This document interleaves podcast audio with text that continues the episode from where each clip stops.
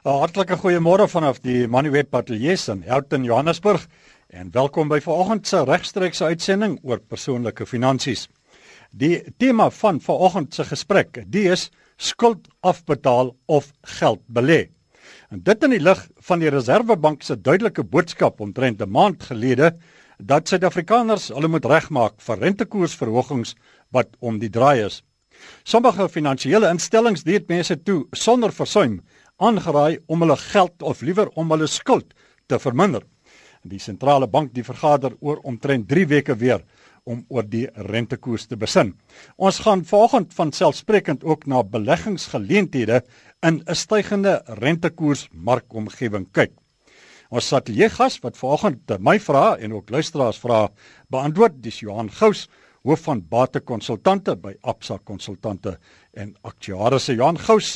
Goeiemôre en hartlik welkom by ons uh, program vanoggend oor persoonlike finansies, skuld afbetaal of geld belê. Goeiemôre Andries. En die nommer hier in die ateljee wat julle sommer nou reeds kan begin skakel om julle vrae te vra oor wat om met jou oorskot geld in 'n stygende rentekoers markomgewing te maak. Dis 011 731 8502. En probeer asseblief die vrae kort en maklik verstaanbaar hou. Die nommer net weer 011 731 8502. Die onderwerp te sprake is skuld afbetaal of geld belê. En dit in die lig van die Reserwebank se boodskap dat rentekoers verhogings vir Suid-Afrikaners om die draai is. Johan, ons praat van moeilike keuses en moeilike besluitnemings, maar daar is basiese riglyne wat kan help. Dit is korrek Andri. Jy weet op die oomblik dink ek, jy weet mense, daar's ons ons weet huishoudings sit met steeds hoë skuldvlakke al sit ons in 'n relatiewe lae rentekoers omgewing. En ehm um, hierdie is nie 'n maklike vraag om te antwoord in terme van wat moet jy met, met jou geld maak nie, moet jy eerder al jou skuld afbetaal byvoorbeeld of moet jy eerder jou geld belê nie. En ehm um, ek dink jy weet soos meeste groot besluite uh jy weet is die antwoord nie so eenvoudig soos betaal net al jou skuld af op enige gegee stadium of belê net al jou geld nie. Vra wat uh, wat jy vir jouself moet antwoord en vir jou spesifieke huishouding is watter tipe van skuld het jy? Watter tipe van beleggings het jy reeds? Hoe lyk jou kontantvloei situasie? Waar is jy in terme van jou lewensfase fase is in jou vroeë of middelaktiewe werksjare of naby aan aftrede en dan wat is jou medium, jou kort of jou langtermyn finansiële doelwitte? So in kort Andries, hoe lyk jou persoonlike balansstaat in terme van jou bates en jou laste? En die beste wat ons kan doen is om mense eintlik maar net 'n paar basiese riglyne te gee sodat hulle hulle geld sake beter kan bestuur. Die nommer wat luisteraars kan skakel is 011 731 8502 En ek sê maar altyd skakel so gou as moontlik want dit help nie as ons hier so 10 minute voor die einde van die program dan sit ek met geweldig baie oproepe en dan voel ek so sleg as ek nie al daai oproepe kan akkommodeer nie. So, hoe gouer jy skakel, hoe beter is die kans dat ons met jou kan praat. Johan, eh, terwyl ons wag vir die oproepe, wat is die belangrikste aspekte as 'n mens nou bietjie meer spesifiek kan wees, die belangrikste aspekte van skuld wat mens moet verstaan? Wanneer jy besluit oor skuld afbetaal teenoor geld belê. Wanneer is ek dink meeste mense vereenselwig skuld uh, net met moeilikheid. En dit is so, as jy skuld vir die verkeerde redes aangaan, um of jy bestuur nie jou skuld baie goed nie, kan dit net probleme vir jou veroorsaak. Ek dink die feit is omtrent almal het skuld en iewers eers in jou lewe sal jy uh moet skuld terugbetaal en ek dink dit gaan meer oor hoe om te leer hoe om skuld beter te bestuur. Nou skuld kan vir verkeerde of vir goeie redes um, eintlik aangewend word. Slegte redes vir hoekom jy skuld sal aangaan is vir lewenstylbates, motors, tipe van goed waar jy meer met jou portuïergroep probeer meeding. En dan is daar goeie vorm van skuld waar jy eintlik vaste bates kan koop of bates of in iets kan belê wat vir jou produktiewe inkomste gee, kan help om jou jou inkomste te verbeter of jou kan help om jou welvaart te groei. Ek dink die ander belangrike ding van skuld, Andries, is die feit dat jou korttermynskuld, jou kredietkaartskuld, klere rekening daai goed. Dit is die duurste vorm van skuld. Die rede daarvoor is dit is 'n tipe van 'n geriefsfinansiering en dit is maklik bekombaar. En ek dink Andries dan die laaste punt vir my is mense moet verstaan dat om jou skuld vroeër af te betaal is amper soos om 'n gewaarborgde opbrengs te kry want jy kry daai rente wat jy dan gaan spaar op daai skuld wat jy vroeër afbetaal. Johan terwyl ons hier na die ateljee gestap het, het jy nou verwys na die verskillende forme van skuld en toe jy die terme gebruik van positiewe skuld en negatiewe skuld. Toe sê ek vir jou, maar verduidelik vir my, vertel 'n slag vir my, wat is positiewe skuld? Ek het altyd gedink skuld is net uh, slegte nuus, maar jy sê daar is positiewe skuld. Ja Andries, uh, soos ek nou net verwys het na van die positiewe skuld is iets waar jy belê wat jou in staat sal stel om addisionele inkomste vir jouself te genereer sodat jy uh jou kontantvloei kan verbeter. Of dit is iets waarin jy belê waar die opbrengs van daai belegging vir jou 'n groter uh opbrengs gaan gee as wat die koste is om daai skuld aan te gaan om daai belegging te koop. En dit kan byvoorbeeld wees iets soos 'n 'n tweede eiendom. Dan moet jy byvoorbeeld net kan seker maak dat jy die tyd het om daai tipe van belegging te kan bestuur en seker maak dat byvoorbeeld as jy na tweede eiendom kyk, sou die eiendom leeg staan, het jy die vermoë om deur 'n tyd te gaan waar jy nie inkomste op daardie eiendom kry nie en ehm um, en dan seker te maak dat jy wel weet jou huiswerk doen in terme van waar koop jy en watse tipe van bates koop jy. So die feit is Andries, daar is positiewe skuld wat gemaak kan word. Jy moet net die sommetjies gaan maak en vir jou uit self uitwerk is die opbrengs wat jy gaan kry daarop gaan kry hoër as die skuld van daai koste wat jy gemaak het. Die onderwerp van vanoggend se gesprek in ons eh, persoonlike finansies fokus dis skuld afbetaal of geld belê en dit in die lig van die Reserwebank se boodskap uh, dat Suid-Afrikaners hulle moet regmaak vir rentekoers uh, verhogings. Uh, Jan, uh, hoe moet mens dink oor skuld afbetaal of belê? Uh, wat is die beste benadering of beginsels wat toegepas moet word? Anders ek dink dit begin vir my by kontantvloei. Jy weet ons soos ek uh, vroeër ook al verwys het, weet die huishoudings se se skuld tot besteedbare inkomste is op rekordvlakke nog steeds. En dit plaas hulle in 'n baie moeilike situasie waar enige petrolstygings of petrolkoste stygings, elektrisiteitsverhogings, e-tol en selfs nou met rentekoerse wat gaan verhoog, dit plaas daai huishoudings se kontantvloei onder baie druk. So die eerste ding is om te sê Hoe kan jy jou kontantvloei posisie verbeter en dit is tipies deur jou skuld af te betaal. En die volgende ding wat jy dan sal kyk is soos jy jou kontantvloei posisie verbeter, hoe sal jy dan miskien kan kyk na alternatiewe beleggings wat jy kan maak? En en ek dink daar's nooit 'n goeie tyd um, om om eerder skuld af te betaal of om om te belê nie. Ehm um, die, die die die vraag die die vraag is eintlik elke huishouding het sy spesifieke omstandighede. So kom ons sê oor die algemeen sou rentekoerse nou begin styg en dit raak hoër, sal dit dalk beter wees om eerder te fokus op jou skuld wat jy wil afbetaal um, in lae rentekoerse omgewing waar byvoorbeeld iets soos 'n uh, aandele baie goed gewoonlik doen, dan kan dit dalk miskien beter wees om van die geld miskien eerder soontoe te skuif. So dit is maar die balans wat jy vir jouself moet uitwerk oor tyd. Luisteraars kan nou skakel by 011 731 8502. Ons praat oor skuld afbetaal of geld belê in 'n stygende rentekoers omgewing. Maar natuurlik kyk ons ook na die opsies en die geleenthede vir beleggings wat daar is in 'n stygende rentekoers markomgewing. So, as jy met oorskot geld sit en uh, wag vir die rentekoersverhogings om te kom, uh, skakel gerus, vra die vraag daaroor. Johan, die uh, wanneer 'n mens nou die keuse moet doen tussen skuld betaal of geld te belê, watse rol speel die tydsfaktor? Anders miskien moet jy vraag so antwoord en sê een faktor wanneer dit kom by tyd is waar is ons in terme van die rentekoers siklus. Ons weet nou ons is heel moontlik aan die begin van 'n stygende rentekoers uh, fase in die siklus. En dit beteken dan dat daar gaan geleenthede wees om jou geld tipies sê net maar by die bank of in vaste rente instrumente te belê wat vir jou hoër opbrengste gaan bied. Uh so op hierdie stadium op op die vlakke waar ons nou nou is, moet nog steeds nie te vinnig wees om van jou geld nou vas te maak in langtermynbeleggings met jy gaan dalk op daai tipe van beleggings nog hoër rentekoers kan kry eh, kan verdien oor 'n paar maande. Die ander ding, 'n uh, eh, algemene reël vir my Andries is wanneer dit kom by tydsfaktor, probeer om jou skuld wat jy maak so kort daai termyn so kort as moontlik te hou en so gou as moontlik daai skuld af te betaal. Ons praat oor skuld afbetaal teenoor skuld uh, of liewer skuld uh, afbetaal teenoor geld belê. En luisteraars skakel ons by 0117318502 ons praat met uh, Marie in Pretoria. Marie goeiemôre. Jy kan my jou vraag vra. Goeiemôre. Um, ek wil net hoor as ek 'n uh, eiendom het wat ek verhuur um, of ek dit moet um, liewer afbetaal want ek het nou die voordeel van weet die um, belastingvoordeel as ek nou uh, my verband nog steeds moet afbetaal of um, hoe maak 'n mens daai sommetjie om te bepaal wat die beste opsie daar is? Ja, maar ek sê weet dit, dit gaan weer eens vir my oor 'n situasie van ek weet nie hoeveel is die uitstaande skuld nog op daai eiendom en hoe hoog is daai verbandspaaiemente nie. Maar ek dink dit gaan oor op die einde van die dag skep vir jouself 'n situasie waar jy onder geen stadium onder wesenlike druk sou wees sou daar daardie inkomste stroom miskien opdroog en jy sit miskien met daai eiendom wat is leeg vir 2 of 3 maande betaal genoeg geld en vinniger af van daai verband sodat jy ten minste vir jouself 'n buffer het sodat jy nie in 'n situasie opeindig waar jy gaan geforseer word om daai eiendom teen 'n prys te verkoop wat jy nie wou nie. So die belasting aspek is belangrik, maar ek dink sit jouself net eers in daai situasie en dan kan 'n mens meer bekommer oor die belasting aspek.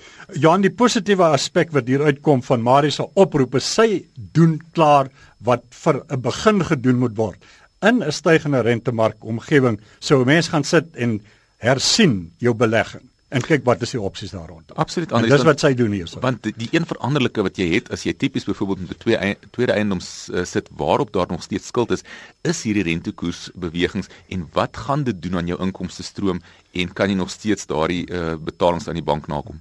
Uh, dis nou in die eiendomsomgewing wat sê is maar dit uh, ek sê vra eintlik sou in die beginsel hmm geld uh, sommer in breë trek ook wanneer rentekoersverhogings inskop dat 'n mens na jou breër portefeulje gaan kyk en dit hersien en sê maar wat uh, kan ek waar aanpas? Hoe lyk die pad vorentoe? Korrek Andries net soos wat 'n batebestuurder wanneer situasies verander die wisselkoers verander of die rentekoers of wat ook al verander so moet 'n mens ook in jou term van jou persoonlike uh, beleggings ook gaan kyk watse aanpassings moet ek aan my portefeulje maak om die nuwe omgewing uh, beter te kan help aanspreek Ons uh, praat met uh, Skalk uh, van Kreersdorp. Skalk, goeiemôre. Jy kan my jou vraag vra.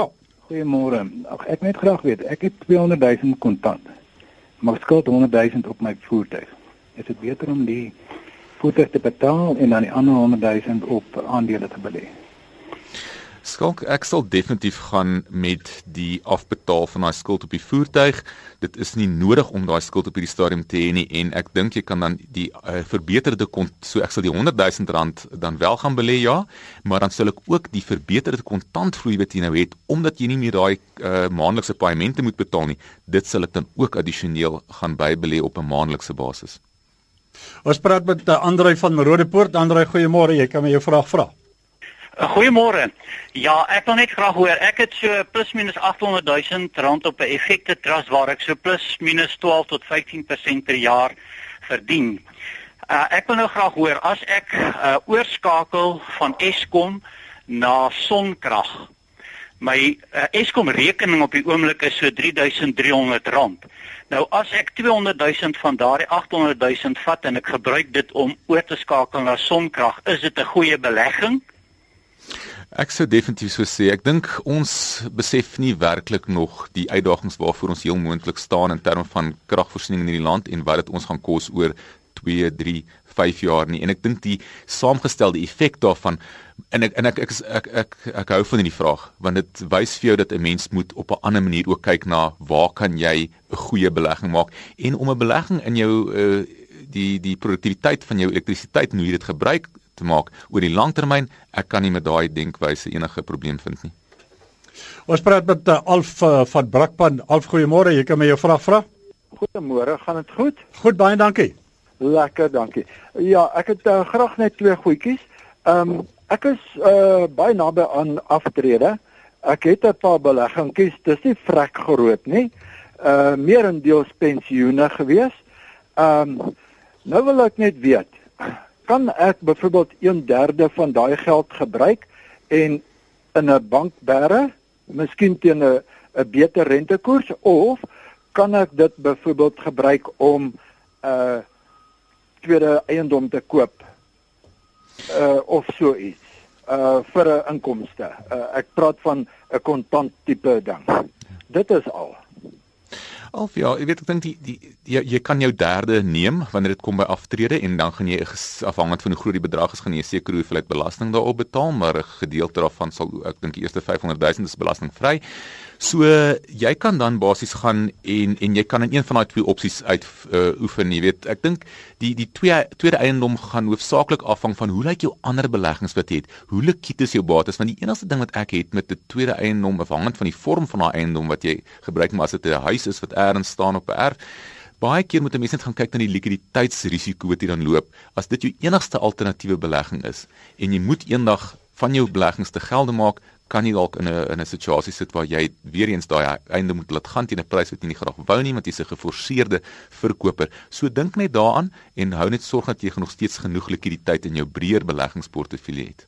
Luisteraars skakel ons by 011 731 8502. Ons praat oor skuld afbetaal teenoor skuld belê en beleggingsgeleenthede in 'n markklimaat eh, waar rentekoersstygings uh, om die draai is uh, soos wat die Reserwebank nou waarsku dat hier in Suid-Afrika kan gebeur uh, uit die Kaapstad. Ek uh, hoop die naam is reg. Is dit Etienne? Goeiemôre. Nee, nee, meneer Eften. Sê dit weer? Meneer Eften. Meneer Eften. Goeiemôre, ja, ja, jy kan my jou vraag vra meneer Eften. Ja, dit is reg. Ehm um, ons praat oor oor skuld op hierdie stadium. Ehm um, en ek het uh, op hierdie stadium 'n ander vraag en dit is studieskuld. Ehm um, as 'n student nou uh, sy sy studies klaar is, dan moet hy sy studie uh, sy uh, skuld terugbetaal. Hoe ehm um, met die verhoogde rentekoerse wat opkom is, hoe vir ehm um, hoe gaan mense dit bestuur? Ehm um, sodat dit sê maar vir 'n student haalbaar is om dit die die studieskuld af te betaal. Uh, ek sal by die radio luister, hoor. Wel, ek dit hang af of of hierdie ouer is wat bereid is en dalk 'n bietjie ekstra geld het om dalk uh, miskien 'n onderhandeling te ondergaan met die met die studente sê luister as rentekoerse te hoog geraak sal ek vir jou instaan maar dan gaan jy my net oor 'n langer termyn terugbetaal en so kan jy ten minste die nie te moeilik maak vir die student nie. Maar ek sou sê studieskuld vir my is 'n tipe van 'n medium termyn beleggingsskuld dit is skuld wat jy ook maar so gou as moontlik moet uh, probeer afbetaal. Ek dink nie rentekoerse kyk rentekoerse gaan begin opgaan. Ek dink nie in die volgende jaar noodwendig gaan dit nog steeds 'n wesenlike probleem wees nie. Maar as daar iemand is wat bereid is om te sê luister man, ek sal daai studieskuld namens jou aflos, maar ons kom op ons eie ooreen op 'n ander tipe van afbetalingsmeganisme, miskien is dit die antwoord vir eh, vir iemand wat werklik nie veel gaan hê as 'n eerste salaris om daai skuld onmiddellik af te betaal nie. Ja, die gas wat volgens die vraag beantwoord is Johan Gous, hoof van Bate Konsultante by Absa Konsultante en Actuariëse en soos wat ek nou al 'n paar keer genoem het, ons praat oor skuld afbetaal teenoor skuld belê. Die ligte die skerm, die flikker hier op die skerm van die luisteraars wat skakel maar Johan hier's 'n kernvraag wat ons moet vra. Ons uh, gaan nou nou die ander oproepe neem maar watter skuld moet ek eers betaal en sommer daarmee saam die vraag wat gaan, hoe kan ek myself ten beste in 'n goeie finansiële posisie kry? Andries, dit is 'n ek dink ek ek wil begin te sê en ek ek wil, ek wil al twee somme op dieselfde tyd eintlik uh, antwoord. Ek dink die belangrikste is begin met die duurste vorm van skuld en dit is tipies jou winkelkaarte, jou kredietkaarte, jou persoonlike korttermynlenings wat tipiese 1 tot 3 jaar afbetalingstermyn het. As jy daai skuld onderbeheer, dan begin jy met jou mediumtermynskuld, soos jou motorfinansiering, jou studieskuld vir jou kinders en onderrig, daai tipe van goed. En as jy daai kort en mediumtermynskuld dan afgelos het, dan behoort jou kontantvloei al heelwat te verbeter het en kan jy begin kyk om jou huisverband vinniger af te betaal. Andries, dit is ongelooflik as 'n uh, mens net kan besef hoe dat jy deur vinniger jou huisverand af te betaal, hoeveel uh rente kan jy spaar oor 'n periode van 15 tot 20 jaar. Dit is dieselfde effek wat 'n mens kry as jy um groei op groei of of rente op rente verdien, daai saamgestelde groei effek, maar dit werk net in die teenoorgestelde rigting. In plaas van net die rente verdien, spaar jy 'n klomp rente. Soos byvoorbeeld Andries, 'n 1 miljoen rand verband oor 20 jaar teen huidige prima rentekoerse, waarop jy net 'n ekstra 500 rand per maand betaal, kan jy binne 27 maande vinniger afbetaal en so 150000 rand se rente spaar. So as meeste van jou skuld afbetaal is, moet jy dan toenemend begin fokus op addisionele beleggings om kapitaalgroei te kry en inflasie te klop en seker te maak dat jy ook dan genoeg sal hê vir aftrede. Maar belangrik dink ek uh, Andries is om nie dan weer in skuld betrokke te raak nie en dan die dissipline te hê as die skuld afbetaal is, moenie weer onnodige skuld maak nie. Ons uh, praat met uh, mevrou Visser van Johannesburg. Mevrou, goeiemôre. Jy kan my jou vraag vra. Goeiemôre. Ek hoop ek vra nou die regte vraag hier. My dogter se skuld is alles afbetaal. Sy is nog in haar 20. Sy is nou oorsees. Wat sy graag wil weet is die pensioenfonds wat nou vir die pensioen wat af um, uitbetaal is van die skool. Sal sy daai volle bedrag vat en oorsee gaan belê of sal dit beter wees om dit hier in EFT's in Suid-Afrika te belê? Dankie dat jy geskakel het. Uh, in dit geld ek dink waarskynlik in 'n sekere sin ook vir baie ander luisteraars Johan wat uh, geld te belê het wat of duidelik uh, belê is of geld wat uh, meer permanent vasbelê is, geld wat loskom nou en wat nou beskikbaar is vir beleggingsgeleenthede, nuwe geleenthede in die stygende rentemark omgewing. So, uh, kom ons hoor. Goed Andries, ek dink die eerste punt is die die grootste rede vir hoekom mense nie genoeg geld het met aftrede is omdat hulle pensioenfonds vat wanneer hulle weggaan by 'n werk en dit dan gebruik vir ander uh, redes ander, ander as om te spaar vir hulle uh, aftrede eendag. So die eerste punt hierso is ja, as hy dit gaan belê uh, op 'n ander plek waar dit vir haar goed kan groei oor tyd dan kan daardie opsie oorweeg word as as hulle nie gelukkig is met die huidige pensioenfonds waarin die geld nou lê nie. En dan die volgende vraag was gewees moet dit in die buiteland of plaaslik wees? Kyk dit hang af waar hierdie persoon miskien die res van uh, haar lewe gaan bly. As dit in die buiteland is, dan is dit dalk goed om die geld dan eerder maar in die buiteland te belê. As dit iemand is wat nog gaan terugkom Suid-Afrika toe en hulle lewe hierso spandeer, dan is dit nie sleg om dan eerder maar in die plaaslike mark te belê nie want jy vir jy's eintlik dan besig om jouself te verskans teen die plaaslike inflasie en rentekoersomgewing. Uit uh, Bloemfontein, uh, Martie, goeiemôre Martie, jy kan maar jou vraag vra. Môre Andries, dankie. Weet jy, ek is 'n pensionaris en ek het inkomste uit 'n ander belegging, maar ek het nou 'n addisionele 200 000 rand waarvan ek graag net 1000 rand 'n maand sal wil trek. Wat gaan die bele beste belegging wees daarvoor? Goed maar ek uh, weer eens weet ek nie presies hoe lyk jou ander beleggings nie. Ehm um, maar ek sou sê jy weet jy kan dalk daarna kyk om te sê miskien helfte van hierdie 200 000 rand gaan belê jy in iets baie meer konservatief waar jy dan daai 1000 rand 'n maand uit kan trek en die ander helfte gaan belê jy nog steeds in 'n tipe van 'n belegging soos 'n effekte trust, uh nie 'n hoë risiko tipe van effekte trust nie, iets wat goed gediversifiseer is, 'n lae tipe van risiko multibate klas fonds en en en daai fonds se doelwit is dan nog steeds om inflasie vir jou met so tussen 2 en 3% uit te presteer sodat jy jouself ook dan ten minste teen die effek van inflasie beskerm. Uit uh, Rodepoort hier uh, aan die Wesrand uh, is dit Hester. Hester, goeiemôre. Jy kan my jou vraag vra. Goeiemôre. Ek wil net hoor as ons nou mos as ek wil spaar en ek het op my salaris 'n bedrag oor sien nou van 3 tot 6000. Is dit beter om dit in een uh, by een instansie te spaar by 'n bank of verskillende plekke of moet ek liewer gaan vir 'n uh, anniteit of iets van hierdie aard? Ek sal so min of meer oor 4, 5 jaar aftree.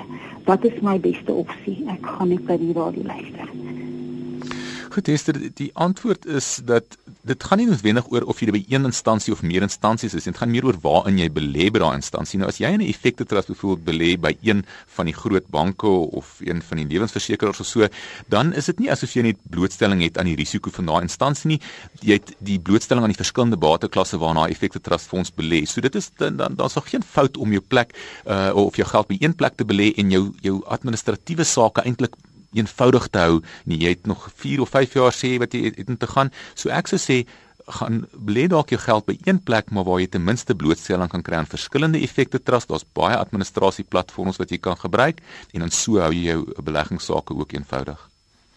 Hieruit uh, Johannesburg is dit uh, ek weet nie of dit meneer of mevrou De Tooy is nie, maar uh, goeiemôre, jy kan my die vraag vra. Goeiemôre, ek is sommer maar net De Tooy Grobler. Goeiemôre De Tooy, jy kan my jou vraag vra.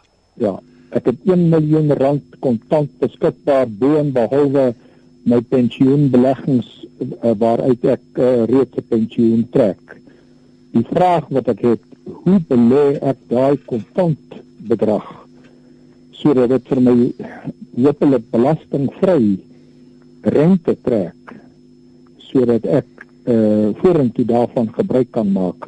Daar is 'n Liberty instrument waarvoor jy waarborg 'n maksimum van 13%, dan moet die belegging daar bly vir 3 jaar, maar dan is die opbrengs belastingvry. My vraag is net of dit 'n gesonde belegging is. Goed, ek ek ek dink daai daai mens moet mooi gaan kyk na daai uh, gewaarborgde 13%. Die huidige rentekoerse uh, laat nie toe vir 'n 13% gewaarborgde opbrengs nie. Ek dink wat die produk wat ons hierna kyk is iets wat tipies dan blootstelling vir jou aan die mark sal gee. Sou die mark vir jou 13% elke jaar gee, sal jy daai 13% kry. Sou die mark dit nie vir jou gee nie, sal jy ten minste jou kapitaal terugkry. So wees net baie duidelik oor daardie een wanneer jy praat met Liberty sou jy daai produk oorweeg. Uh, die ander ding in terme van belastingvry so as 'n uh, pensionaris um, of iemand uh, wat in in, in die hoër ouderdomskategorie is kwalifiseer jy vir rentevrye uh inkomste op op van jou vaste draande belegging. So maak seker dat jy ten minste die volle belastingvrye rente verdien elke jaar wat jy voor kwalifiseer volgens uh die ontvanger. En dan die ander geld weer eens. Maak seker dat jy ten minste in 'n tipe van belegging belê wat inflasie vir jou ook met omtrent so 2 of 3% sal uh, klop maar waar jy nog steeds 'n redelike likwiditeit het. En weer eens is iets soos 'n effekte trust uh miskien een van die beter oplossings Dis amper groet uit uh, Johan uh, een punt wat ek baie graag nog wil aanroer is watse finansiële foute kan mens maklik maak in 'n stygende rentekoers omgewing waarteen moet jy waak? Andries eerstens dink ek mense oorskat oor die algemeen hulle vermoë om skuld te kan afbetaal. Hulle dink nie daaraan as hulle skuld aangaan, hoe gaan hulle nog steeds as skuld betaal as rentekoerse nou met 2 of 3% opgaan nie. Baie mense wil nog steeds kompeteer met hulle portuïergroep en doen lewenstyl aankope, uh luksere wat nie nodig is nie. Ek dink 'n mens moet net gaan kyk en sê vir jouself, is hierdie iets wat ek graag wil hê of is hierdie iets wat ek graag of dit ek werklik nodig het? En daar's 'n baie belangrike onderskeid om te tref tussen daai twee. Dis dan uh die einde van vanoggend se persoonlike finansies. Baie dankie vir almal wat geskakel het. Baie dankie vir die deelname en ook uh, baie dankie aan ons uh, spesiale ateljee gas vanoggend. Dit is eh, Johan Gous, hoof van Bate Konsultante by Absa Konsultante en Actuaries. Johan, alles van die beste. Voorspoed, uh, mooi loop tot 'n uh, ander dag. Dan praat ons weer geld sake. Baie dankie Andries.